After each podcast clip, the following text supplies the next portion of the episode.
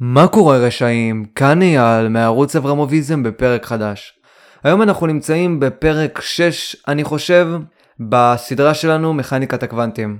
עכשיו, יכול להיות שאני מתבלבל כל הזמן בין המספרים של הפרקים, אבל אה, הכותרת של הפרק מציגה ישר אה, איזה פרק הולך להיות. אז אם עכשיו אני אומר נגיד פרק 5, אבל כתוב בכותרת פרק 6, זה פרק 6, אוקיי? אל, אל תשימו לב למה שאני אומר בתחילה.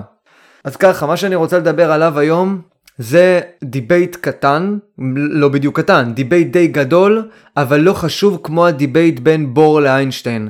ה debate הזה הוא בין הייזנברג לשרדינגר, ואיזה תיאוריה ניצחה. האם התיאוריה המתמטית של שרדינגר או התיאוריה המתמטית של הייזנברג, אוקיי? שתי פיזיקאים, שתי גרמנים, אוהבים פיזיקה, אוהבים מתמטיקה, אה, חכמים באופן יוצא דופן, אחד מבוגר מהשני ב-13 שנים, וזה שרדינגר, ושתיהם בתקופה של בערך שנה יצרו תיאוריות נפרדות לחלוטין, תיאוריות מתמטיות נפרדות לחלוטין למכניקת הקוונטים, שמתייחסות למכניקת הקוונטים באופן שונה לחלוטין, כלומר כל אחד בנה תיאוריה על פי התפיסה שלו, והקהילה המדעית הייתה צריכה לעשות ממש סינון אבולוציוני ולבחור עם איזה תיאוריה הם, הם ממשיכים ואיזה תיאוריה הם זונחים, או שהם ייקחו את שתי התיאוריות, אבל קודם כל יצטרכו להוכיח ששתי התיאוריות זהות מתמטית, גם אם הן כל כך שונות מטבען. כלומר, אחת מאוד גלית, אחת מאוד חלקיקית, אחת טוענת שהיא מצאה את הטבע הקוונטי, ואחת טוענת שאי אפשר להבין את הטבע הקוונטי מעצם היותנו בני אדם קלאסיים שחיים באופן קלאסי, ומבינים את העולם באופן קלאסי. אז נתחיל עם הייזנברג. אייזנברג יצר את התיאוריה המתמטית שלו בגיל 24 קהל קדוש. בגיל 25 הוא הפך להיות לפרופסור הכי צעיר בגרמניה לפיזיקה תאורטית. רק בגיל 25 כבר הפך להיות פרופסור. כבר מגיל קטן, אבא שלו, שגם היה פרופסור, ראה שלבן שלו יש יכולות אינטלקטואליות יוצאות דופן, אוקיי? בגיל 12, אבא שלו נתן לו מהאקדמיה ספרי מתמטיקה שמתאימים למישהו שהולך לסיים תואר ראשון במתמטיקה. אבא שלו גם הכניס בין ספרי המתמטיקה להייזנברג ספרי פילוסופיה שונים, לרוב ספרים יוונים כמו של אריסטוטל, כמו של אפלטון, כדי ש... uh, החשיבה הפילוסופית של הייזנברג תתחדד. והייזנברג מאוד אהב את הפילוסופים, מאוד אהב לשקוע בהם, והבן אדם היה רק בן 14, והוא כבר אהב לשקוע בספרי הפילוסופיה העתיקים. אז אייזנברג קצת גדל, ולאחר מלחמת העולם הראשונה, בגיל 18-19 ככה, הוא רצה ללכת ללמוד מתמטיקה באוניברסיטה. אבל הרעיון לפני התואר היה כל כך זוועתי ומסריח שלא קיבלו אותו. אבל במקום ללבוש שק ואפר, אייזנברג החליט לשנס מותניים וללכת לדבר עם אבא שלו כדי שיבדוק אם אפשר ללכת ללמוד פיזיקה אצל סאמרפלד. עכשיו סאמרפלד, אה, כמו שאתם זוכרים, היה מי שתיקן חלק מהבעיות במודל האטום של בור, הוא הציג עוד שתי פרמטרים שבהם אנחנו יכולים לבחון את המצב הקוונטי אנרגטי של אלקטרונים, שזה K ו-M, K מייצג את האליפטיות, M מייצג את המגנטיות, אז חוץ מזה שהוא גם היה פיזיקאי מכונן, הוא היה מורה בסגנון רטרפורד, הוא אהב את התלמידים שלו, הוא היה מצחיק, השיעורים שלו היו השיעורים הכי טובים בגרמניה, הרבה מאוד מהתלמידים של סאמרפלד זכו בפרס נובל לפיזיקה, והרבה מאוד מהם הפכו להיות הדור החדש של מכניקת הקוונטים. הדור של פיזיקת הקוונטים ב-1927 כבר מתחיל טיפה אה, להיעלם מה שנקרא איינשטיין, פלנק, בור וכל האלה. הם הפכו להיות רק המורים, והם התייחסו תמיד רק לפילוסופיות ולשאלות הפילוסופיות שנובעות מתוך מכניקת הקוונטים.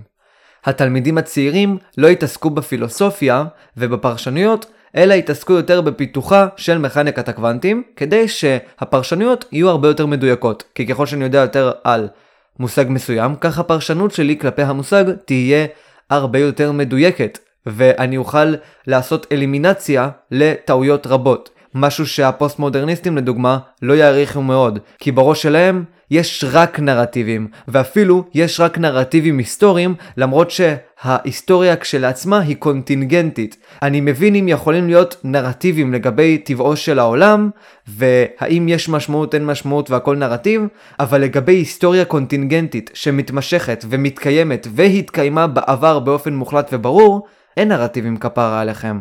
זה פשוט הניסיון להדביק את תפיסת החיים הנלוזה שלכם להיסטוריה, וכמובן שזה לא עובד אם ההיסטוריה התקיימה כבר, וכל הפעולות התקיימו ואין יותר נרטיב. יש רק פעולות ומצבים מנטליים של אינדיבידואלים וחברות שאנחנו יכולים לבחון עם הכלי של מטריאליזם היסטורי של מרקס, שאני דווקא מאוד אוהב את הכלי הזה, למרות שהכלי הזה הוא לא בדיוק תיאוריה מדעית, אלא יותר תיאוריה מטאפיזית פסאודו-מדעית.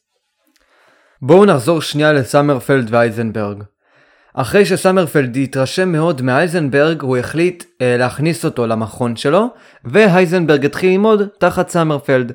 הייזנברג גם אה, מאוד התלהב מתלמיד אחר שהיה שם, גם תלמיד שזכה בפרס נובל, שקראו לו וולפגנג פאולי, מי שעשה את אה, עקרון האיסור של פאולי, ולמרות השונות בין אייזנברג לפאולי, הם כן הצליחו להתחבר ולהיות ידידים. פאולי היה די חצוף, הוא לא הגיע לשיעורים בבוקר אף פעם, כי הוא תמיד קם באיזה 10-11 בבוקר. הוא עשה בתכלס מה שבא לו באוניברסיטה, הוא הרגיש את עצמו עליון יותר מכל האחרים ולכן הוא לרוב עבד לבד. והוא אהב נגיד ללכת לכל מיני מסיבות וברים בסוף היום. לעומת זאת אייזנברג היה רגוע, שלו, ילד טוב ירושלים וכל מיני דברים כאלה.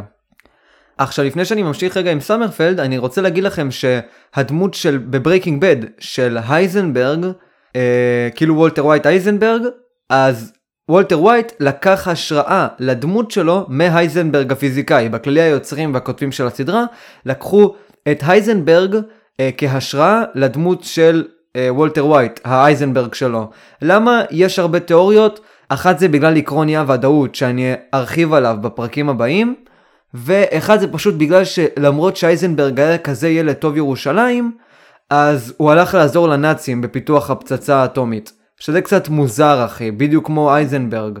וולטר ווייט טוב ירושלים, פתאום הוא הופך לאייזנברג והופך להיות רוצח פסיכופת. אה, יש שינוי כאילו, אתם מבינים? יש דיכוטומיה בין, בין השתיים. יש מצד אחד וולטר וייט, מצד אחד הייזנברג. ואצל הייזנברג המקורי, היה הייזנברג טוב ופתאום נהיה הייזנברג רע. וזה ממש ממש ממש מוזר. אני כן ארחיב אולי על הנושא הזה טיפה בפרקים הבאים כשאני אציג את עקרון אי הוודאות של הייזנברג. אז בינתיים הייזנברג לומד אצל זומרפלד והוא מוציא תואר ראשון בפיזיקה ולומד תואר שני ועושה דוקטורט, למרות שהדוקטורט שלו היה כישלון גמור, כי בגלל שהוא רק התעסק בתיאוריה, הייזנברג אפילו לא ידע להסביר איך עובדת סוללה.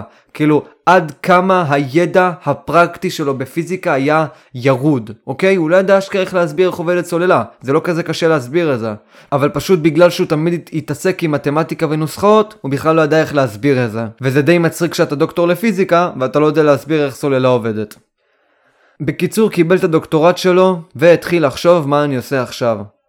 לאחר הדוקטורט הוא כתב איזשהו מאמר מפורסם על מכניקת הקוונטים והמאמר הזה התקבל בברכה על ידי פלנק, בור ואיינשטיין ועוד כל מיני אנשים גדולים כאלה ובור הגיע למכון של סמרפלד כדי להכיר טיפה את הפיזיקאים הצעירים החדשים שהולכים לפתח את כל הדברים החדשים במכניקת הקוונטים.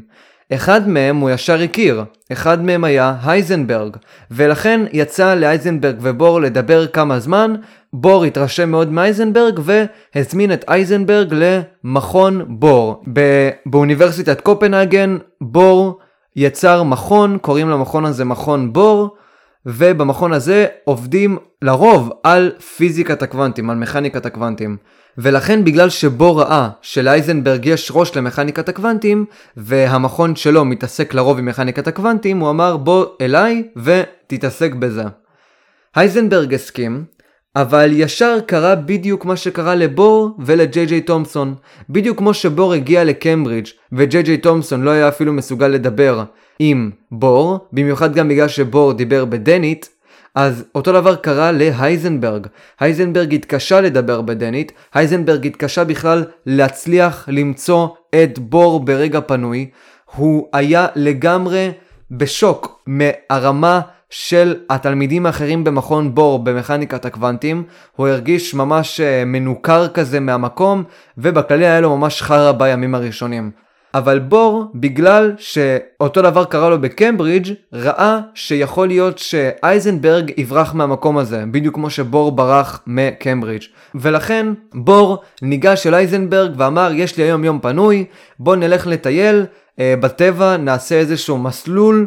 ונהנה. עכשיו שתיהם היו בכושר, הייזנברג בכללי, התחביב הכי אהוב עליו היה hiking, כאילו אה, מסע בהרים וכל החרא הזה, ובור כמובן הוא, הוא היה שחקן כדורגל לפחות והוא סופר חזק.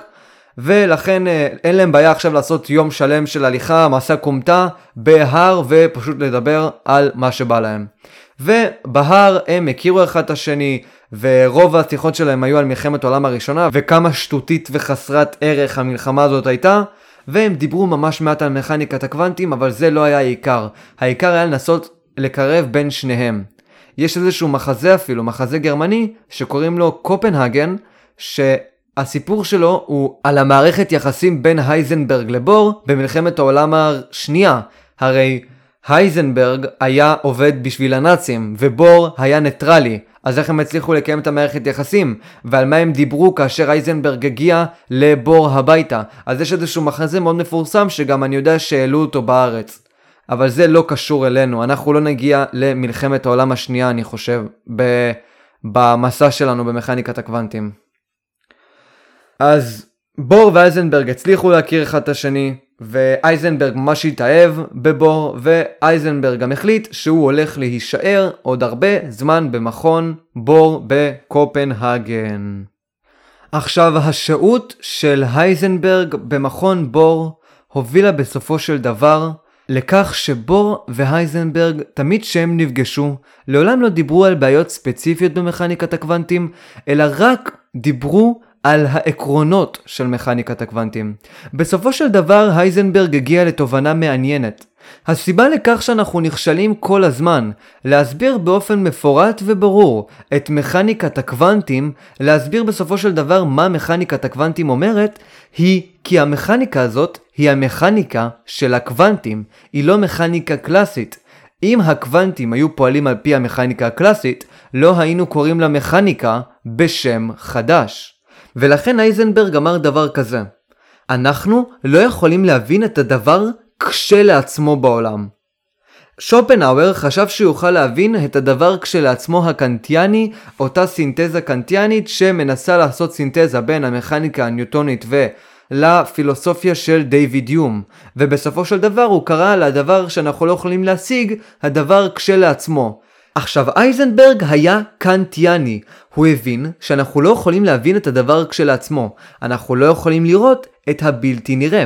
אנחנו לא יכולים להבין משהו קוונטי במושגים קלאסיים, אוקיי? אם היינו יכולים להבין את הקוונטי במושגים קלאסיים, לא היו אף פעם קורים בעיות כמו קפיצה של אלקטרונים ועוד כל מיני בעיות אה, במודל האטום של בור כי המכניקה הקלאסית הייתה אמורה לפעול על המכניקה הקוונטית. כלומר, המכניקה הקלאסית הייתה צריכה לתאר באופן יוצא מן הכלל את מודל האטום של בור, ובכללי כל מיני תופעות קוונטיות למיניהם. אבל זה לא צלח. והסיבה לכך שזה לא צלח, היא כי אנחנו הצלחנו להכניס לדוגמה את המושג ספין, שזה מושג קוונטי לחלוטין, שאין לו קשר למכניקה הקלאסית, ואי אפשר להסביר אותו באופן קלאסי. ואייזנברג חשב שאם כבר הצלחנו להכניס לתוך מכניקת הקוונטים נתון קוונטי מוחלט שלא קשור למכניקה הקלאסית, יש מצב שכל המכניקה הקוונטית שונה לחלוטין מהמכניקה הקלאסית, ואי אפשר לתאר אותה על פי מושגים קלאסיים. על פי מושגים כמו תנע, תזוזה, מקום, גל, חלקיק, הרי לדידו, הסיבה לכך שבכלל נוצר לנו הדואליות הזאת של הגל ושל החלקיק, היא כי זו הפרשנות שלנו לדבר כשלעצמו, אוקיי? בדיוק כמו שאצל קאנט נוצר גם התיאוריה של ניוטון, התיאוריה הדטרמיניסטית של ניוטון, והבעיה בדטרמיניזם על פי דיוויד יום. הסיבה לכך שנוצרים שתי הדברים האלה היא כי אנחנו לא יודעים את הדבר כשלעצמו ולכן נוצרים לנו כאן שתי תיאוריות שסותרות אחד את השני. אז נוצרו לנו שתי תיאוריות שסותרות אחד את השני במכניקת הקוונטים שהתיאוריות האלה הן התיאוריה הגלית והתיאוריה החלקיקית והדואליות הזאת נובעת בגלל הבורות של האדם להבין מה קורה בעולם האמיתי, מה קורה בעולם כשלעצמו. הייזנברג בסופו של דבר טוען שהוכחות קלאסיות מובילות אותנו לאבדון. המכניקה הקוונטית הוכיחה שהיא לא יכולה לעבוד על פי מכניקה קלאסית, ולכן אנחנו צריכים לעשות מכניקה קוונטית חדשה לחלוטין. אבל הבעיה שאייזנברג ניצב מולה היא שאתה לא יכול לעשות מכניקה קוונטית אם אתה לא יכול לדמיין בכלל מה זה קוונטים. נכון? אז איך אני יכול לעשות מכניקה קוונטית? אם ניוטון אף פעם לא היה רואה כוכב לכת אחד מסתובב סביב מערכת השמש, הוא לא היה יכול בכלל ליצור את כוח הכבידה העולמי. או אם לא הייתי אף פעם רואה שגוף אחד דוחף גוף שני, לא הייתי יכול ליצור את המושג תנא. אז איך אני יכול ליצור מכניקה קוונטית לגמרי? או, הפתרון של אייזנברג מאוד מאוד מעניין. אני לא יכול אולי להסביר את התופעות הקוונטיות כשלעצמן, כלומר מה קורה בתוך האטום, אבל אני בהחלט יכול להסביר לדוגמה מה קורה כאשר אני יורה פוטון למערכת קוונטית ויוצאים לי כל מיני תופעות כמו גדילה באנטרופיה או אורכי גל בתדירויות שונות שיוצאים מתוך המערכת, את זה אני יכול למדוד, זה משהו מדיד במעבדה. ובסופו של דבר מה שהייזנברג עשה, זה הלך לאימפריציזם הקלאסי ואמר דבר כזה, אנחנו יכולים להבין את העולם רק כאשר אנחנו מודדים אותו. העולם הוא עובדות, לא היגיון. הוא הלך למדע הקלאסי, או יותר נכון, לרעיון הבסיסי שנובע מתוך המדע הקלאסי, שהמדע הוא עובדות ולא היגיון. אם אני מנסה ליצור תיאוריה קוונטית שנובעת מתוך ההיגיון שלי, וההיגיון שלי נובע מתוך היותי ישות קלאסית, כמובן שהתיאוריה הקוונטית שלי הולכת להיות כושלת. למה היא הולכת להיות כושלת? כי ההיגיון שלי עצמו בנוי באופן קלאסי, והמכניקה הקוונטית כשלעצמה היא לא קלאסית. איך אני יודע שהיא לא קלאסית? עוד פעם, כל פעם ניסינו להציב ערכים קלאסיים למכניקת הקוונטים, וזה לא צלח. לא הצלחנו לעשות את זה. אז מה זה השטויות האלה שהמכניקה הקלאסית והמכניקה הקוונטית אחד הם, ופשוט קשה מאוד להסביר את המכניקה הקוונטית עם מונחים קלאסיים, אבל המכניקה הקוונטית כשלעצמה קלאסית. אייזנברג אומר, זה לא נכון. ההיסטוריה הקוונטית הוכיחה שזה לא נכון. ההיסטוריה הקוונטית הוכיחה שההיגיון שלנו דפוק. ההיגיון שלנו לא פועל על פי העובדות ביקום, כי ההיגיון שלנו קלאסי. ולכן בסופו של דבר הוא עושה דבר כזה.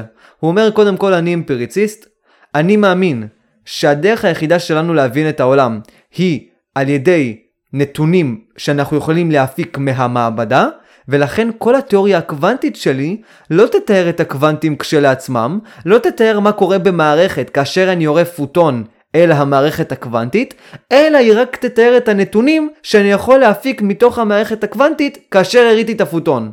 נניח הראיתי עכשיו פוטון למערכת קוונטית, יוצא לי שם, כמו שאמרתי, תדירויות, גלים, אה, אנטרופיה, כל החרא הזה.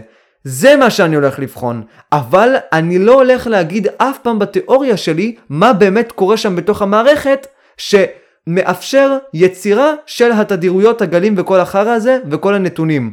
למה? כי אני לא יכול להבין את הבלתי נראה. אני לא יכול להבין את מה שלא נראה לעין האנושית. אני סתם אצור טעויות.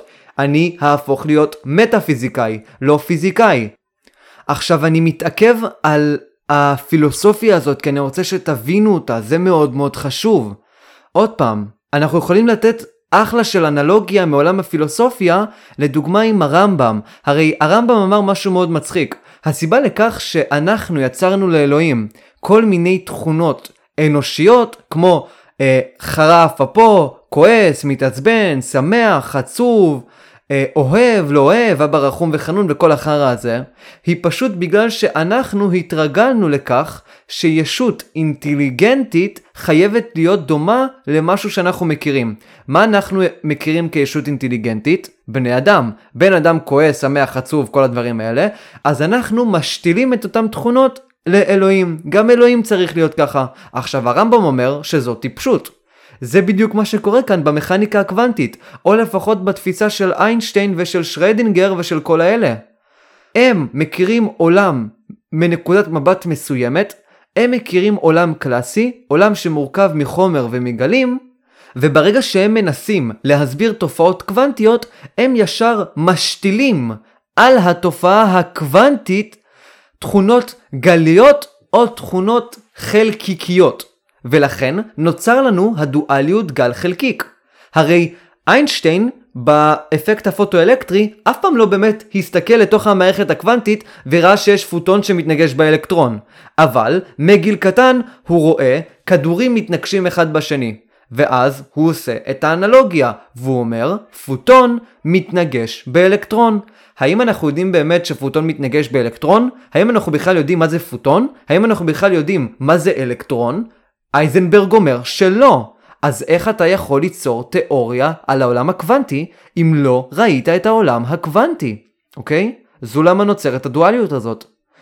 יכול להיות שהרבה עקרונות פיזיקליים קלאסיים ייעלמו עם הגישה של הייזנברג, עם הגישה הקוונטית של הייזנברג, עם התפיסה שלו.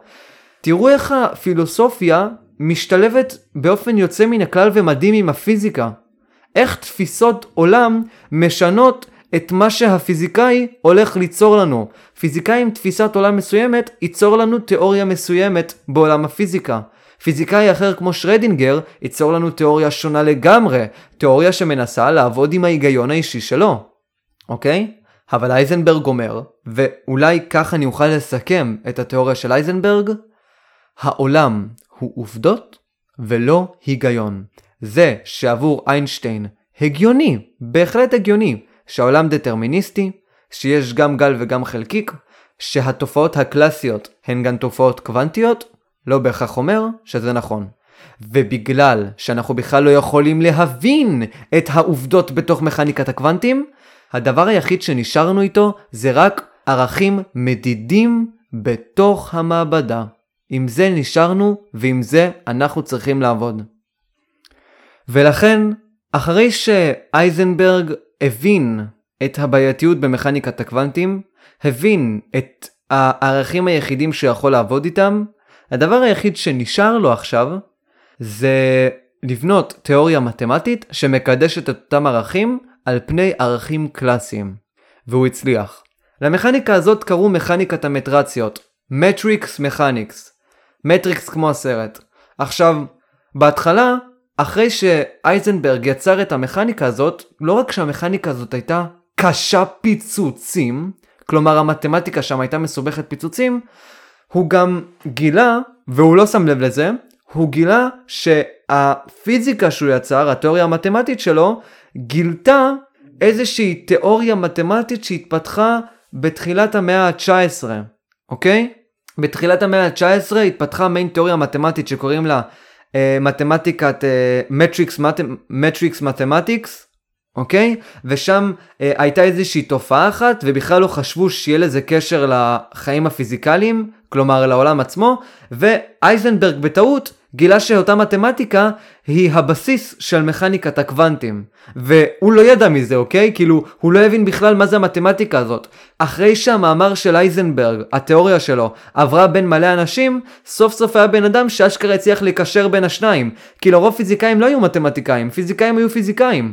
ופתאום היה מתמטיקאי וטיפה פיזיקאי, קרא זה ואמר, וואו, זה המתמטיקת matrix הזאת. ואז הוא הלך להייזנברג ואמר לו, אחי, אתה גילית בתוך הפיזיקה את מתמטיקת ה matrix, את המתמטיקה המוזרה הזאת. והייזנברג אמר כזה, מה זה מתמטיקת ה matrix? לא היה לו גוגל שיכול לחפש בו. הוא לא שמע על הנושא הזה בחיים, והוא מצא את זה בטעות. עכשיו, כמו שאמרתי לפני, המתמטיקה הייתה סופר מסובכת, פיזיקאים לא הכירו בכלל את המתמטיקה, בדיוק כמו הייזנברג, היה מאוד קשה לפתור עם המתמטיקה הזאת שאלות, והדבר הכי גרוע בתיאוריה המתמטית שלו, היא שהתיאוריה הזאת עשתה בדיוק מה שהייזנברג רצה.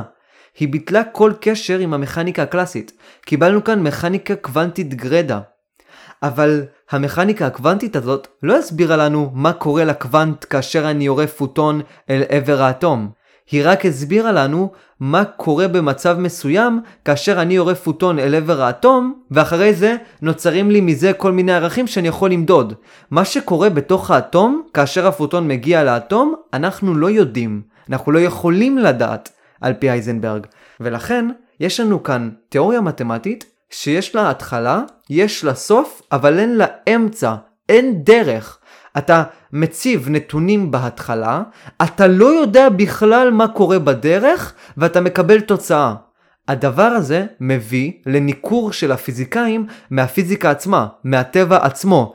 אתה הופך כאן את הפיזיקה למתמטיקה. הייתי יכול עכשיו פשוט ללכת ללמוד מתמטיקה ופשוט לפתור תרגילים מתמטיים שאין להם שום קשר למציאות. אבל מה שנוח בפיזיקה, שאני יכול לדמיין את הפיזיקה. מישהו ניסה פעם אחת לפתור שאלה פיזיקלית בלי לדמיין אותה? זה לא אפשרי בכלל. בלי לשרטט משהו? זה לא אפשרי. אבל הייזנברג יצר לנו כאן מתמטיקה כל כך אבסטרקטית שזה מפחיד. גיאומטריה זה משהו שהוא סוג של קיים, אתה יכול לדמיין את זה ויזואלית. פונקציות אתה יכול לדמיין ויזואלית. הסתברויות אתה יכול לדמיין ויזואלית. אחד עם משקפיים, אחד בלי משקפיים. הרבה מושגים מהמתמטיקה אתה יכול לדמיין ויזואלית. כאן אין ויזואליות בכלל, יש רק מספרים. יש רק נתונים מספרים בהתחלה, נתונים מספרים בסוף, אין אמצע. אני לא יודע מה קורה באמצע, אני לא מתעסק עם האמצע. כי אני לא יודע את הדבר כשלעצמו. אני לא מתיימר לדעת את הדבר כשלעצמו. כי אני לא ישות קוונטית. אוקיי? לפיזיקאים היה מאוד קשה לקבל את התיאוריה המתמטית הזאת. הם לא השתמשו אף פעם במתמטיקה הזאת, ולפתור עכשיו שאלות קוונטיות במכניקת הקוונטים. בלי שום דרך לעשות ויזואליזציה בעיניים שלך, בלי שום ויזואליות, זה פסיכודלי, זה קשה. אי אפשר לעשות את זה, זה מעצבן, אוקיי? זה כבר לא פיזיקה. זה מרגיש כאילו אתה עבד של הפיזיקה, לא פיזיקה עובדת בשבילך, אוקיי? כאילו אתה עושה טובה לפיזיקה כדי שהיא תביא לך נתונים, אבל אתה לא מבין שום דבר על העולם, אתה לא מבין מה האמת, אין אמת, יש רק מתמטיקה. אף אחד לא מבין את המכניקה של הייזנברג, הוא עצמו לא מבין מה קורה שם, זה כל הרעיון של המכניקה של הייזנברג, אוקיי? במכניקה של אייזנברג לדוגמה, דיברתי על דואליות גל חלקיק, שם אין דואליות גל חלקיק, אין שם חלקיק, אין שם גל. כאילו, כן, האופן שבו אפשר לדמיין את המכניקה של הייזנברג זה קצת יותר חלקיקי מאשר גלי. אבל זה לא ממש פיזיקה חלקיקית, זה לא ממש פיזיקה קלאסית חלקיקית כזאת, שאני יכול לראות את החלקיק נע בשמיים, או חלקיק פוגע בחלקיק אחר, כמו בתנא. החלקיק הוא בסך הכל איזושהי דרך לעשות ויזואליזציה למשהו שהוא בכלל לא ניתן לויזואליות. פשוט הרבה יותר קל לדמיין את המתמטיקה הזאת באופן חלקיקי מאשר באופן גלי. אבל הייזנברג לא מתיימר להגיד שהטבע של הקוונטים עצמם הם חלקיקיים גרדה. אין גל, יש קוונט, והוא הדבר כשלעצמו, ואני לא יכול להבין אותו. המכניקה הזאת לא התקבלה. היה צריך מכניקה חדשה. היה צריך מישהו שישחרר אותנו מהמצב העגום שהייזנברג הביא לנו. יותר מזה, התיאוריה הקוונטית של הייזנברג הביאה להסתברויות עוד פעם. עוד פעם, הסיוט של איינשטיין חוזר. יש לנו כאן עכשיו בעיה בדטרמיניזם עוד פעם. ועכשיו נשאלת השאלה, האם החוסר בדטרמיניזם זה הדבר כשלעצמו, או האם החוסר בדטרמיניזם נובע מתוך הבורות של האדם להבין באמת את הדבר כשלעצמו. אצל הייזנברג אתה לא יכול לדעת, כי אצל הייזנברג אין כשלעצמו, אתה לא יכול להבין את הכשלעצמו, אתה לא יכול להבין את מה שלא נראה, אוקיי? ולכן עכשיו להגיד, אם התיאוריה של הייזנברג ובכללי הקוונטים הם דטרמיניסטים או לא דטרמיניסטים, זה בדיוק לחטוא במה שאייזנברג אמר שזה חטא. אתה מנסה להסביר משהו לא נראה עם עקרונות פיזיקליים. אתה מנסה להסביר את הדרך. אני מתנגד לעצם הרעיון של הדרך. אני חושב שיש רק התחלה ויש רק סוף. האמצע נתון לאלפי פרשנויות, וכל פרשנות שווה כמו הפרשנות האחרת. כמובן שאף אחד לא קיבל את הרעיון הזה, כמובן שאף אחד לא קיבל את זה שככה פיזיקה צריכה להיות, כמובן שהייזנברג עצמו לא בדיוק קיבל את זה, כי זה היה סופר דופר קשה, אבל הוא כן קיבל את זה כאשר האויב שלו הגיע, ואם כבר אנחנו מדברים על האויב שלו, בוא נדבר על התיאוריה המתמטית השנייה. התיאוריה המתמטית השנייה קוראים לה מכניקת הגלים, או פונקציית הגל. המשוואה עצמה קוראים לה פונקציית הגל, המכניקה קוראים לה מכניקת הגלים. והיא נוצרה, כמו שאמרתי, על ידי ארווין שרדינגר. ושרדינגר היה אוסטרי, יפה תואר, באמת יפה, אולי הפיזיקאי היחיד שנראה נורמלי, ולא נראה עקום ומסריח. ולא רק שהוא רצה להפוך את המתמטיקה לקלה במכניקת הקוונטים, לא הייתה את התפיסה של ריאליזם נאיבי, תפיסה שבה יש עולם, אני יכול להבין את העולם, ואני מבין את העולם על פי השכל הישר. תפיסת הנאורות, התפיסה של איינשטיין, אוקיי? הוא אמר שהעולם דטרמיניסטי, העולם מובן, ניתן להבין את העולם, הקוונטים ניתנים להבנה, הם פשוט מאוד קטנים, אוקיי? ובוא עכשיו ננסה לתת איזשהו טיעון לריאליזם הנאיבי. אם עכשיו הייתי בגודל הקוונטי, הייתי יודע מה הדבר כשלעצמו. אז כל מה שאני צריך לעשות זה כל פעם לדמיין מה קורה כשאני נראה כמו קוונט, ואחרי זה כל פעם לשלול את כל הדברים שנראים לא הגיונים, או דברים שלא מתיישבים עם תוצאות הניסוי, עד שאני אגיע לתיאוריה שמתיישבת עם כמעט כל תוצאות הניסוי. ועתה אפשר להגיד כנכונה, או כפסאודו נכונה. היא סוג של נכונה, יכולה להיות נכונה, ומה שצריך זה לעשות עוד ועוד אלימינציה, להשתמש עוד ועוד בעקרון ההפכה של פופר. הריאליזם הנאיבי הוא התפיסה הכי קלה שיכולה להיות, אוקיי? היא התפיסה הכי הגיונית, זה הרעיון שלה, היא הגיונית. העולם הוא דטרמיניסטי, העולם הוא הגיוני. ניתן להבין את העולם. העולם כאן כדי שנבין אותו, אוקיי? אם העולם הקלאסי עובד על פי מכניקה מסוימת, זה מצחיק שהדברים שמרכיבים את העולם הקלאסי לא עובדים באותה הצורה. כי מה זאת אומרת לא עובדים באותה צורה? הם פשוט מאוד קטנים, וקשה להבין איך הם מתנהגים על פי המכניקה הקלאסית, ועל פי העקרונות של המכניקה הקלאסית. אבל מפה ועד להגיד שהם בכלל לא עובדים על פי עקרונות המכניקה הקלאסית, זה בעייתי. כי עכשיו אתה יכול לשאול את השאלה, איפה הגבול בין העולם הקלאסי לעולם הקוונטי? אין גבול, ומתוך כך, המכניקה עצמה היא תמיד מתקיימת והיא יחידה.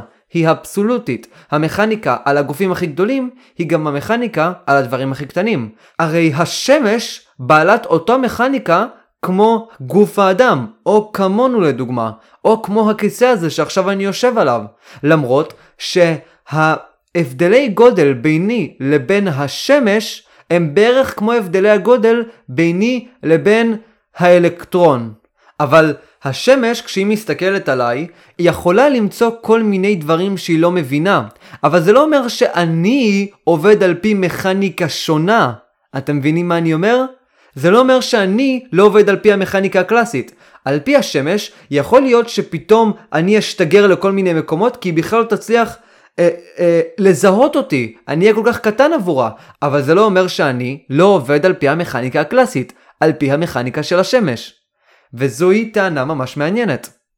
אתם תראו גם עוד כל מיני טענות ששרדינגר ואיינשטיין יביאו, וניסויי מחשבה, שמנסים לחסל את התפיסה של הייזנברג ואת התפיסה של בור. עכשיו, כשאני אומר התפיסה של הייזנברג, יש כאן איזושהי בעיה אחת קטנה.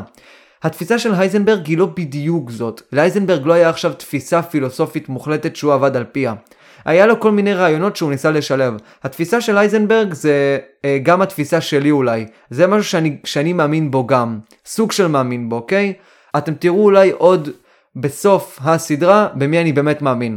אבל אני עוד פעם רוצה להגיד לכם, אמרתי זה גם בפרק הקודם. כולם פה שיסיימו את הסדרה הזאת יהיו בצד של איינשטיין. כולם יהיו טים איינשטיין, אוקיי? כי איינשטיין הכי הגיוני. ובצדק, הוא באמת באמת הגיוני, הוא קל להבנה, הוא נכון, כאילו זה ממש מרגיש שזה נכון, זה מרגיש שהאמת, זה ממש מרגיש האמת. מה שאיינשטיין אומר, ממש מרגיש כאילו זה האמת המוחלטת ואיינשטיין צודק. כי זה כל כך הגיוני, כל כך אינטואיטיבי, כל כך מטומטם לחשוב אחרת, ושתדעו גם שכאשר פיזיקאים, לדוגמה, מלמדים את מכניקת הקוונטים ומסבירים לרוב את פרשנות קופנהגן, כי זו הפרשנות המנצחת כיום, למרות שהיא לא באמת מנצחת כי היא ניצחה את איינשטיין, היא סתם פשוט קל ללמד אותה. אז אף אחד מהסטודנטים לא בעד פרשנות קופנהגן. גם הפיזיקאים, המרצים שמלמדים, לא בעד פרשנות קופנהגן, כי פרשנות קופנהגן די מטומטמת. אני בעד פרשנות אייזנברג העתיקה, הפרשנות שאני הצגתי לכם עכשיו, אוקיי? אייזנברג אחרי זה ישנה את דעתו כאשר בור יתחיל לשטוף לו את המוח ולקדם את התפיסה שלו לפרשנות קופנהגן. פרשנות קופנהגן אני לא כל כך אוהב, אני יותר אוהב את הפרשנות שהצגתי לכם עכשיו. והמקבילה לפרשנות קופנהגן זה הפרשנות של היינשטיין וחבריו, אוקיי? אחד החברים של איינשטיין זה שרדינגר, שהביא את הניסוי מחשבה המפורסם של החתול של שרדינגר, שאותו אני אציג בפרקים הבאים. טוב, בואו נחזור טיפה לשרדינגר עצמו, אה, נראה כאילו מי זה הבן אדם, ואחרי זה נראה שהוא מתוך התפיסה של הריאליזם נאיבי שלו כלפי העולם, יצר לנו מתמטיקה מופלאה למכניקת הקוונטים הגיונית, ויזואלית, אה, שמאפשרת לנו לדעת את הדבר כשלעצמו, ומאפשר לנו לדעת את האמצע, את הדרך. אני מכניס נתונים, אני מצליח לדמיין ולראות ויזואלית מה קורה במערכת הקוונטית, ואחרי זה אני מקבל תוצאות. בניגוד להייזנברג, יש רק התחלה, יש סוף, אין אמצע. אז ככה, מי זה שרדינגר? בוא נראה. שרדינגר נולד בווינה בשנת 1887, והוא היה ילד uh, מאוד מחונן, אוקיי? הוא היה חכם, אינטליגנט, uh, הוא היה מסוג הניגות האלה שאומרים שהם לא לומדים בכלל לפני בוחן ולפני מבחנים, אבל בתכלס לומדים שבוע לפני בוחן. הגישה הזאת שלו כלפי הלימודים אה, תתקיים גם כשהוא יהיה ילד בוגר, כלומר כשהוא יהיה בגילי 20, 30, 40, תמיד שיהיה נושא מסוים הוא ילמד אותו מא' ועד ת' ורק כך הוא יוכל להצליח ולקצור אה, את פירות העשייה שלו רק מעבודה קשה. הוא רצה לאחר הלימודים בבית ספר ללכת ללמוד פיזיקה אצל בולצמן, אבל כמה ימים לפני שהוא הגיע לשיעור של בולצמן, בולצמן כמו שאמרתי בפרק הראשון, התאבד. אה, חנק את עצמו עם עניבה אני חושב בבית מלון, אה, בתלייה, וזה היה ממש יום אבל לפיזיקאים ויום אבל בשביל שרדינגר, כי הוא לא יוכל ללמוד מהפה של אחד התאורטיקנים הגדולים ביותר במאה ה-19. לכן מה ששרדינגר עשה זה להוציא דוקטורט באוניברסיטה אחרת אצל מורים אחרים, ואחרי שהוא הציע את הדוקטורט, ישר הוא התגייס לצבא כדי לסיים את מלחמת העולם הראשונה. היו מילואים וקראו לשרדינגר לבקו"ם. עכשיו, שרדינגר שנא את הזמן שלו בצבא בגלל שהוא עמד עם הגדוד שלו, עם הפלוגה שלו, במקום שלא תקפו במשך כמה שנים. כלומר, כל החיים שלו בזמן הצבא היו ישיבה באותו מקום, אכילה, שתייה, שינה ולשחק בקלפים. הדבר היחיד שהשאיר אותו חי זה ללמוד פיזיקה ופילוסופיה. זהו. הוא קצת למד פיזיקה ופילוסופיה ביום, ורוב הזמן הוא פשוט שרק עם חברים שלו, אה, חרבן בכל מיני מקומות, סתם שתה, סתם אכל והלך לישון. באמת, הוא מתאר את זה כימים הכי גרועים שהיו לו אי פעם. הוא רק חיכה ליום שבו פשוט יתקפו אותו פעם אחת והוא לא ימות משעמום. אז אחרי התקופה הזוועתית שלו במלחמת העולם הראשונה, הוא הלך להיות פרופסור מן המניין באוניברסיטה באוסטריה, ובמשך משהו כמו עשר שנים הוא לא עשה שום דבר באמת משמעותי בפיזיקה. רוב הפיזיקאים במכניקת הקוונטים לפחות לא הכירו את שרדינגר. ושרדינגר כבר חשב שהוא איבד את הכוח, בוא נגיד ככה. כי לרוב תאורטיקנים ופיזיקאים גדולים מסיימים את כל העבודות החשובות שלהם עד גיל 30, ואחרי זה הם רק מדברים על העבודות שלהם, מפתחים אותם טיפה. למה זה ככה? אה, יש כל מיני סיבות. השכל יותר מפותח והחשיבה הרבה יותר מדויקת. אין ילדים, אין משפחה, אין איזה שהם מחויבויות נוראיות שאתה חייב לעמוד בהם. אתה די רגוע באותם שנים. וזה משהו שמאוד חשוב לפיזיקאים שרוב העבודה שלהם, במיוחד פיזיקאים תאורטיים, זה לחשוב. אתה צריך להיות נקי בראש שלך. אתה צריך להגיע למצבים שבהם פתאום, בום, יגיע לך איזשהו ניסוי מחשבה מפוצץ, שיאפשר לך לבנות תיאוריות מדהימות. לשרדינגר זה לא קרה. לשרדינגר זה לא קרה עד גיל 38, ושרדינגר כבר חשב שהוא איבד את הכוח שלו, אין לו יותר את הכוח להיות פיזיקאי תאורטי גדול, וישכחו אותו עד שהוא ימות.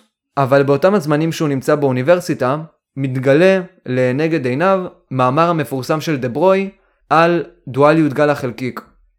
ואיזשהו פיזיקאי אחד, חבר שלו באותה אוניברסיטה, אמר דבר מעניין, משהו שלא בדיוק חשבו עליו עד, עד אז. איך זה הגיוני שאנחנו תמיד מדברים על גל, על גל, על גלים במכניקת הקוונטים, אבל אין לנו משוואה שמסבירה לנו באופן מוחלט וברור ובאופן עקבי, מהו האופי הגלי של הקוונט. יש לנו רק כל מיני מאפיינים, כמו אה, אה, תדירות, כמו אורך גל, אבל אנחנו לא יודעים איך הגל כשלעצמו נראה, והאם הגל נראה אותו דבר עבור כל חלקיק, ואיך הוא משתנה עבור כל חלקיק, כל מיני דברים כאלה אנחנו לא ידענו. ולכן שרדינגר אמר, אני הולך להרים את הכפפה, ככה אני הולך להיזכר בספרי ההיסטוריה, אני הולך לפתור את הבעיה הארורה הזאת. ואחרי שבועות ללא שינה וניסיונות כושלים, הוא אמר די, מספיק עם זה, אשתו כל הזמן שיגע אותו, הוא שנא את אשתו ולא אהב אותו, ולכן הוא ברח לציריך שבשוויץ לחופשה של כמה שבועות עם המאהבת שלו, ושם הוא עשה היסטוריה. שם הוא הצליח למצוא פונקציית גל, משוואה שתסביר את האופי הגלי של הקוונט. הוא הצליח למצוא את פונקציית הגל, את המשוואה שאנחנו משתמשים בה עד היום, והמשוואה שהביאה לאלפי פרשנויות במכניקת הקוונטים. לפני שאני מסביר את המשוואה, בואו נדבר עוד טיפה על שרדינגר ומה הוא עשה, ואחרי זה אנחנו נצלול לתוך המשוואה ומה היא בסופו של דבר אומרת. כמובן שאני לא אציג אבל באופן מתמטי מה המשוואה, כי זה לא כמו E שווה HV, לנוסחה הזאת נראה לי יש איזה 10 פרמטרים. זה לא משהו שאנחנו יכולים אה, לסכם בפורום הזה בוא נגיד ככה.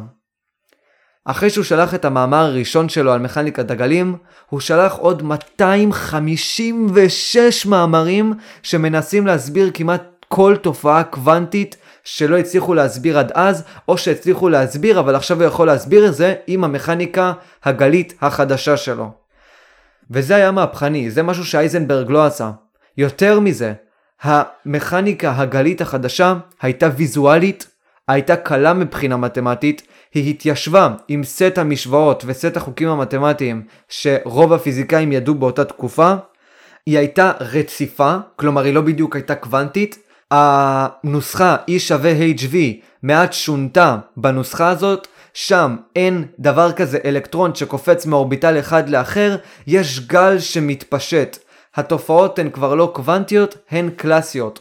הוא הצליח להסביר את כל הבעיות במכניקת הקוונטים באופן די קלאסי, אוקיי? באופן שבו המשוואת גל היא די קלאסית, היא ויזואלית והיא ניתנת להבנה. עכשיו אבל נשאלות שתי שאלות. בואו קודם כל נתחיל עם השאלה הראשונה. האם המכניקה הגלית של שרדינגר זהה מתמטית למכניקה של הייזנברג? התשובה היא כן, היא שווה מתמטית והיא מפיקה את אותן תשובות. השוני היחיד הוא שבפונקציית הגל, במשוואות הגליות של שרדינגר יש דרך. אנחנו מבינים איך החלקיק פועל. יותר נכון אנחנו מבינים איך הגל פועל. ועכשיו שאני אומר את זה, זה מוביל אותנו לשאלה שנייה. מהו טבעו של הגל? מה הגל מייצג? האם הגל הוא כמו גל אלקטרומגנטי, גל של מים, מתפשט ואפשר להסביר עכשיו את כל התופעות בלי חלקיקים אלא רק באופן גלי? או שמא הגל מתאר חלקיקים מסוימים, והגל הוא רק פונקציה שאיתה אפשר לתאר מערכת קוונטית מסוימת.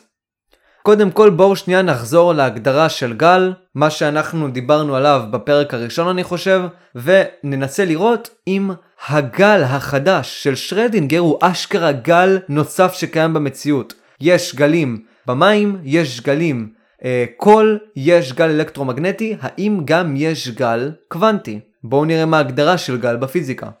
אם נצפה בגל קלאסי לדוגמה, כמו גלים במים, גלי קול, גלי אור, אנחנו נראה שהגל עצמו הוא לא ישות שאשכרה קיימת בעולם, הוא הפרעה אנרגטית.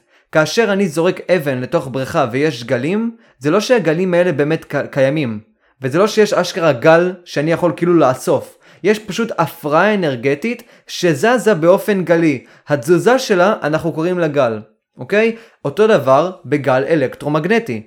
הגל האלקטרומגנטי הוא בסך הכל הפרעה של שדות חשמליים ומגנטיים שמחוברים ביחד באופן שניצב אחד לשני ומתפשטים במרחב.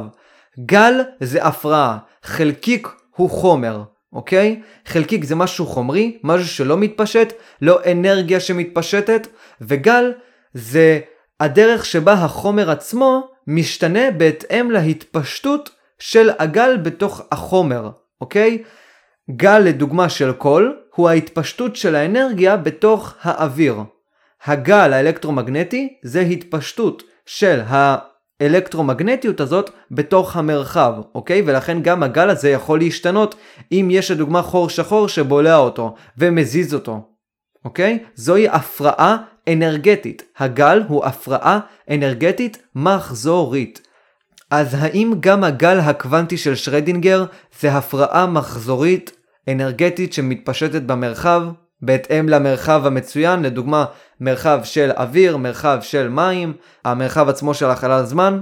האם זה ככה גם אצל הגל של שרדינגר, הגל הקוונטי? אז ככה, שרדינגר נכשל בניסיון שלו להסביר את פונקציית הגל שלו כישות שקיימת בעולם עצמו כשלעצמו, בעולם הקוונטי. הוא נכשל להפוך את הקוונט לגל שמיוצג בפונקציית הגל. כלומר בסופו של דבר הוא לא הצליח להסביר מהו הקוונט שלעצמו על פי הגל שלו. הגל שלו הוא לא הקוונט שלעצמו. הקוונט הוא פשוט ישות שאנחנו לא יכולים להסביר ובאיזשהו אופן הייזנברג צדק. עכשיו תראו מה קורה לנו בינתיים כאן. יש לנו כאן שתי תיאוריות חזקות מאוד. אחת התיאוריה של שרדינגר, אחת היא תיאוריה של הייזנברג. שתי התיאוריות האלה נובעות מתפיסות פילוסופיות שונות, ושתי התיאוריות האלה מניבות לנו את אותם הנתונים. הן זהות מבחינה מתמטית. אבל רוב הפיזיקאים הלכו עם התיאוריה של שרדינגר כי היא פשוט הייתה יותר נוחה.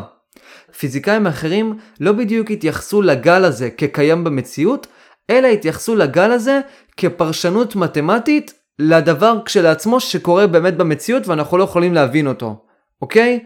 שרדינגר עדיין המשיך להאמין שהגל שלו קיים. וקראו לשרדינגר לעשות איזשהו שיעור על הפרשנות שלו ועל מכניקת הגלים. עכשיו, האנשים שהגיעו לשיעור הזה היו בור, פלנק, איינשטיין, כל הגדולים הגיעו לשמוע את שרדינגר אה, מדבר על המכניקה החדשה שלו. עכשיו, המערכת יחסים בין שרדינגר לאייזנברג מאוד הידרדרה בגלל המשוואות הגליות של שרדינגר. אייזנברג אה, צחק על שרדינגר בכל מיני מאמרים שהוא כתב, כאילו כזה בנסתר, ככה גם היה שרדינגר. כששאלו את שרדינגר מה הוא חושב על המכניקה של הייזנברג, הוא טען שהמכניקה של הייזנברג נובעת מתוך ייאוש, מתוך ייאוש וחוסר יכולת של האדם לדעת באמת מהו הדבר כשלעצמו, וכששאלו את הייזנברג מה הוא חושב על המכניקה של שרדינגר, אז אייזנברג פשוט אמר שזה חרא של מכניקה, היא לא באמת עובדת, היא מטומטמת, הפרשנות של השרדינגר מטומטמת, והפרשנות של שרדינגר עובדת על פי הריאליזם הנאיבי, וזו פשוט תפיסת עולם פילוסופית מאוד ילדותית לדעתו.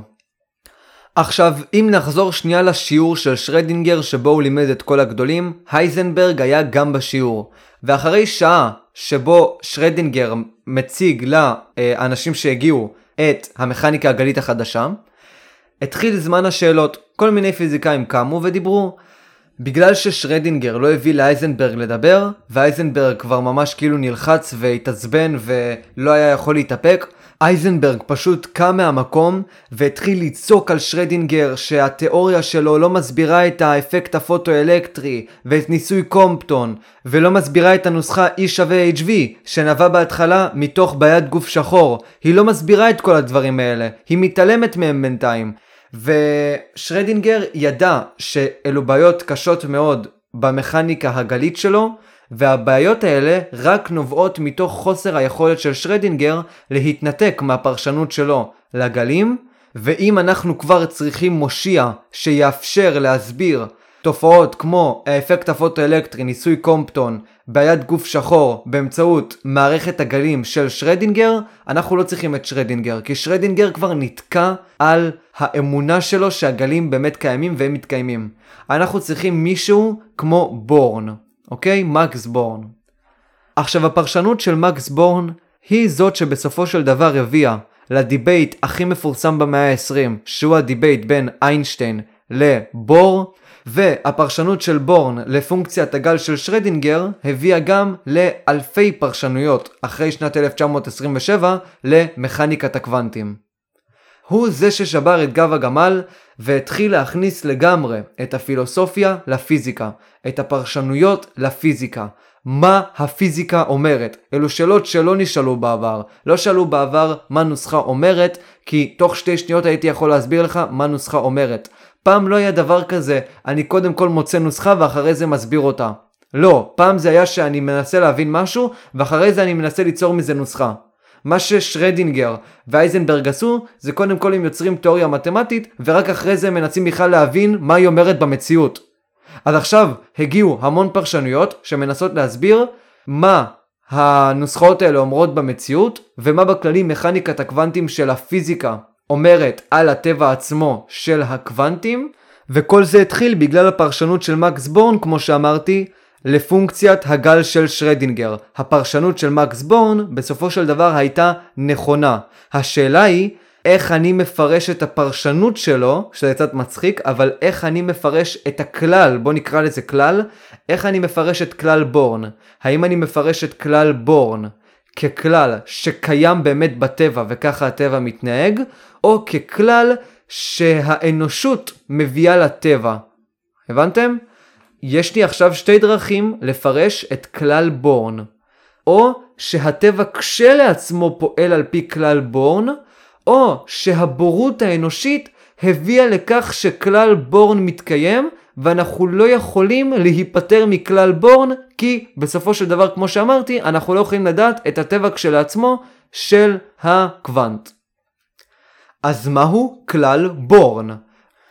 כלל בורן בסופו של דבר מפרש את פונקציית הגל כך. אני רוצה גם להקריא את זה, כי זה אולי ההגדרה הכי נוחה כדי שתוכלו להבין את זה, ואנחנו נחזור על ההגדרה הזאת כמה פעמים.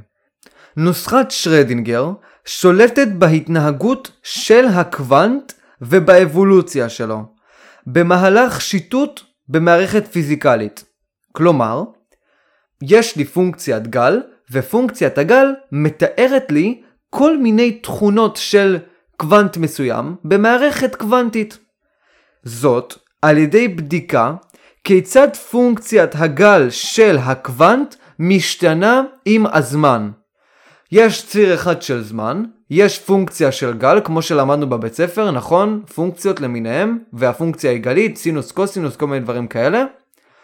והיא משתנה עם הזמן. היא גדלה, היא קטנה, כל מיני שטויות כאלה. עכשיו, איזה מין תכונות קלאסיות יכולות להיות לקוונט שאנחנו יכולים לבחון אותם? בואו נסתכל על תכונה קלאסית מסוימת, מיקום. אני רוצה לדעת את המיקום של החלקיק. מה שפונקציית הגל של שרדינגר מאפשרת לנו לעשות, זה לא למצוא את המיקום המדויק של הקוונט במערכת קוונטית, אלא בזמן מסוים היא מאפשרת לנו למצוא את ההסתברות של מציאת חלקיק במערכת קוונטית מסוימת. תדמיינו עכשיו מרובע דו-מימדי, אוקיי? ונניח עכשיו שהחלקיק הזה הוא כמו DVD, הוא מתנגש בדפנות הריבוע וכל פעם כאילו אה, נמצא במקומות אחרים, אז בנקודת זמן מסוימת אני לא אוכל לדעת מה המיקום המדויק של החלקיק, כמו שאני יכול לדעת מהפיזיקה הקלאסית, כמו שהדטרמיניזם אומר לי, אני אוכל לדעת רק את ההסתברות למציאת חלקיק בכל מיני נקודות בריבוע. לדוגמה באמצע הכי גבוה, הכי בצד זה הכי נמוך. אה, בצד שמאל זה 20%, בצד ימין 30%, כל מיני דברים כאלה. לא תהיה לי אפשרות על פי ידיעה של התנע של החלקיק והמקום של החלקיק ועל פי משוואות קלאסיות לדעת באופן ודאי היכן נמצא הקוונט. תהיה לי רק אפשרות הסתברותית. עכשיו השאלה היא האם החלקיק כשלעצמו הסתברותי, האם הקוונט כשלעצמו הסתברותי, כשאני אומר קוונט אני מתכוון לחלקי, גל, כל החרא הזה, או האם משוואת שרדינגר נובעת מתוך הבורות של האדם ולכן היא יכולה לייצג לנו רק הסתברויות למציאת החלקיק. בואו נעשה עוד ניסוי מחשבה. נניח עכשיו שיש פס, פס חד-מימדי, ציר, ובציר יש שתי קצוות, ואני מניח חלקיק שנע במהירות קבועה נגיד, וכל פעם החלקיק הזה מתנגש בקיר אחד, חוזר בציר ומתנגש בקיר שני, ככה מלא פעמים. אני לא אוכל להשתמש בפיזיקה הקלאסית כדי לדעת תמיד, בכל נקודת זמן, היכן החלקיק נמצא. כל מה שאני אוכל לעשות זה פונקציית גל שתתאר את מיקום החלקיק באופן הסתברותי. באמצע יש לו סיכוי של 50%. בצד יש לו סיכוי של 13%. זה הדבר היחיד שאני אוכל לעשות. עכשיו זה כמובן פוגע בהיגיון שלנו, זה לא הגיוני. כלומר, אם יהיה לי את כל הכוחות האפשריים בתוך המערכת הקוונטית, שזה מיקום, תנע, מתקף, אנרגיות למיניהם, אני אוכל לדעת בוודאות בכל נקודת זמן איפה החלקיק נמצא. על פי כלל בורן ועל פי משוואת שרדינגר, שכלל בורן עשה את הכלל שלו על משוואת שרדינגר, זה לא נכון. ועוד פעם נשאלת השאלה, האם החלקיק שלעצמו הסתברותי, או האם ההסתברות נובעת מתוך הבורות של האדם. הרי עד עכשיו, בכל הדברים שעשינו בפיזיקה ובכללי בעולם שלנו, ההסתברות הייתה מתוך הבורות של האדם, נכון? אני לוקח שתי קוביות וזורק אותן למעלה, הן נופלות על הרצפה. אם הייתי יודע את כל המצב האנרגטי של הקוביות אה, בזריקה, הייתי יכול לדעת בדיוק על איזה צד הם יפלו ואיפה הם יפלו. ולכן להגיד שהקוביות עצמן הן הסתברותיות זה מטומטם. אבל להגיד שבגלל הבורות של האדם זה בשבילנו הסתברותי, נכון, אנחנו אבולוציונית לא פיתחנו את השיטה לדעת אה, מה קורה לקוביות האלה כאשר אנחנו מעיפים אותם למעלה והן, והן נופלות למטה. אנחנו לא יכולים לעשות את זה, זה לא אפשרי מבחינת המוח שלנו. השכל האנושי שלנו לא יכול לקחת בחשבון את כל הכוחות שפועלים על הקוביות האלה. את החיכוך עם האוויר, את הפגיעה עם השידה, את הפגיעה ברצפה. כל אלה הוא לא יכול לעשות, זה קשה. רק סימולציות מאוד מאוד מורכבות יכולות לעשות את זה. ולכן, כאשר אני יודע שהיריב בן אנוש, היריב לכאורה מטומטם כמוני, בור כמוני בנושא הזה, אין לי בעיה להשתמש בקוביות כמזל, אוקיי? בתכלס הקוביות כשלעצמן הן לא מזל, הן פועלות על פי חוקי פיזיקה שלא משתנים. אבל אני לא יכול עכשיו לחשב את חוקי הפיזיקה האלה באמצע המשחק, אז אני פשוט זורק את הקוביות ומקווה למזל טוב. גם הוא צריך לקוות למזל טוב. אם הייתי משחק אבל מול חייזר, יכול להיות שהיה יודע בדיוק, אפילו עוד לפני הזריקה, בגלל כל המצב האנרגטי של החדר, איך הקוביות האלה ייפלו. ולכן זה כבר לא פייר. זה הדרך שבה תמיד השתמשנו בהסתברות. ולכן האדם ההגיוני היה אומר, רגע רגע רגע, זה שמשוואת שרדינגר אומרת לנו רק את ההסתברות למיקום של החלקיק במערכת הקוונטית, לא אומר שהחלקיק עצמו הסתברותי. זה מטומטם להגיד את זה. זה מה ששיגע את איינשטיין. ואני אישית בעד הטמטום הזה, אוקיי? אני חושב שהחלקיק עצמו הסתברותי. ואני ארחיב על זה עוד מעט, בפרקים הבאים. אני נגד איינשטיין. אני נגד התפיסה של איינשטיין. אוקיי? שהחלקיק לא הסתברותי. אני לא ריאליסט נאיבי. אני מקבל את זה שהטבע הוא עובדות, הוא לא היגיון. אבל את זה נשאיר לפעם אחרת, נשאיר את התפיסה שלי לפעם אחרת. והנה עכשיו הגענו למהפכה הקוונטית קהל קדוש. הנה עכשיו אנחנו מגיעים לחוד החנית של המהפכה הקוונטית ולנושא שאני הכי רוצה לדבר עליו, על הפרשנויות למכניקת הקוונטים. מה מכניקת הקוונטים אומרת? מי צודק? האם הייזנברג? האם בור? האם איינשטיין? האם שרדינגר? האם פאולי? כל מיני פיזיקאים מנסים לתת רעיונות, כל מיני פילוסופים מנסים לתת רעיונות. איינשטיין מנסה עם קבוצות של פיזיקאים ולבד לחסל לחלוטין את הגישה האי-דטרמיניסטית למכניקת הקוונטים, בעוד שבור טוען שזו הגישה האמיתית, וזו הגישה שאנחנו צריכים ללכת איתה. זו המהפכה הקוונטית האמיתית. מהפכה שמבטלת לחלוטין את ההיגיון האנושי, ואומרת שהטבע עצמו הוא כל כך עובדתי שלא ניתן בכלל להבין אותו. זה כבר לא פיזיקה קלאסית, זה פיזיקה קוונטית, זה מסובך, זה דופק את המוח, אוקיי? העובדה שכבר 100 שנה, אחרי 1927, כמעט 100 שנה יותר נכון, הפיזיקה הקוונטית מתפתחת ומתחזקת, ואנחנו יכולים ליצור טכנולוגיות מהפיזיקה הקוונטית, אבל עד עכשיו אין פרשנות אחת מוצקת לפיזיקה הקוונטית, זה אבסורד, זה מצחיק. כמו שריצ'רד פיינמן אמר פעם אחת, אם אתה חושב שאתה מבין פיזיקת הקוונטים, אתה לא מבין פיזיקת הקוונטים. כל הרעיון של פיזיקת הקוונטים זה חוסר ההבנה שלנו מה זה אומר בכלל. אנחנו משתמשים בכלים שאנחנו לא יודעים מה הם אומרים, שהם עבורנו כמו קסם. אנחנו מכניסים נתונים בצד אחד של המשוואה, אנחנו מקבלים נתונים בצד אחר של המשוואה, אבל מה שקורה בפנים אנחנו עד עכשיו לא יודעים. הרי החלום של שרדינגר התנפץ. הגליות לא באמת מתקיימת במכניקת הקוונטים. החלקיקיות לא באמת מתקיימת במכניקת הקוונטים. המכניקה היא קוונטית גרדה, ועל כן לא נוכל להבין אותה לעולם. ולכן כל פרשנות באיזשהו אופן דינה כישלון. כי הפרשנויות האלה הן פילוסופיות, הן מטאפיזיות אם תרצו. אף אחד לא בוחן את הפרשנויות האלה ובודק אם הן נכונות או לא נכונות. בכללי הפיזיקה התייאשה ב-1960. היא עזבה את הניסיון הזה של לפרש את מכניקת הקוונטים. אני לא מכיר פיזיקאי אחד שיש לו פרשנות שהוא תומך בה במכניקת הקוונטים, אבל הוא תומך בה באופן מוחלט. הוא חושב שהיא נכונה. כי ישר יכולים להביא לו פרשנות אחרת, וגם היא יכולה להיות נכונה. זה כמו מטאפיזיקה. הפיזיקה הפכה לפילוסופיה. כל אחד יכול להיות נכון, כל אחד יכול להיות צודק. זה שכל אחד עכשיו נותן טענות, לא אומר שהטענות האלה עצמן קשורות לעולם, אלה טענות דדוקטיביות, זה כמו מתמטיקה, מה אכפת לי אם זה מתמטיקה? אני מדבר על העולם עצמו אחי, לא על מערכות דדוקטיביות למיניהן שלא קשורות לשום דבר, ומתנתקות מהעולם הזה. מה קורה כאן אני שואל? איזה בלבול, זה נראה לי הפרק הכי מבלבל ומוזר שעשיתי עד עכשיו במכניקת הקוונטים. אני אפילו לא יודע איך לסגור אותו, אוקיי? מה לסכם כאן בדיוק? שאין דטרמיניזם? שנכשלנו בתור מין אנושי להסביר את האופן שבו הדבר הכי קטן מתנהג? יכול להיות, יכול להיות אפילו שעצם הניסיון שלנו להבין איך מערכת קוונטית מסוימת מתנהגת, לוקח בחשבון פרסופוזיציה, מעין פוסטולט, שאומר שמערכת בכלל צריכה להתנהג. אולי הייזנברג כל כך צודק שאין בכלל דרך, אוקיי? יש התחלה וסוף, אבל דרך לא קיימת. זה נראה לנו לא הגיוני. למה שזה לא יהיה מה שקורה באמת?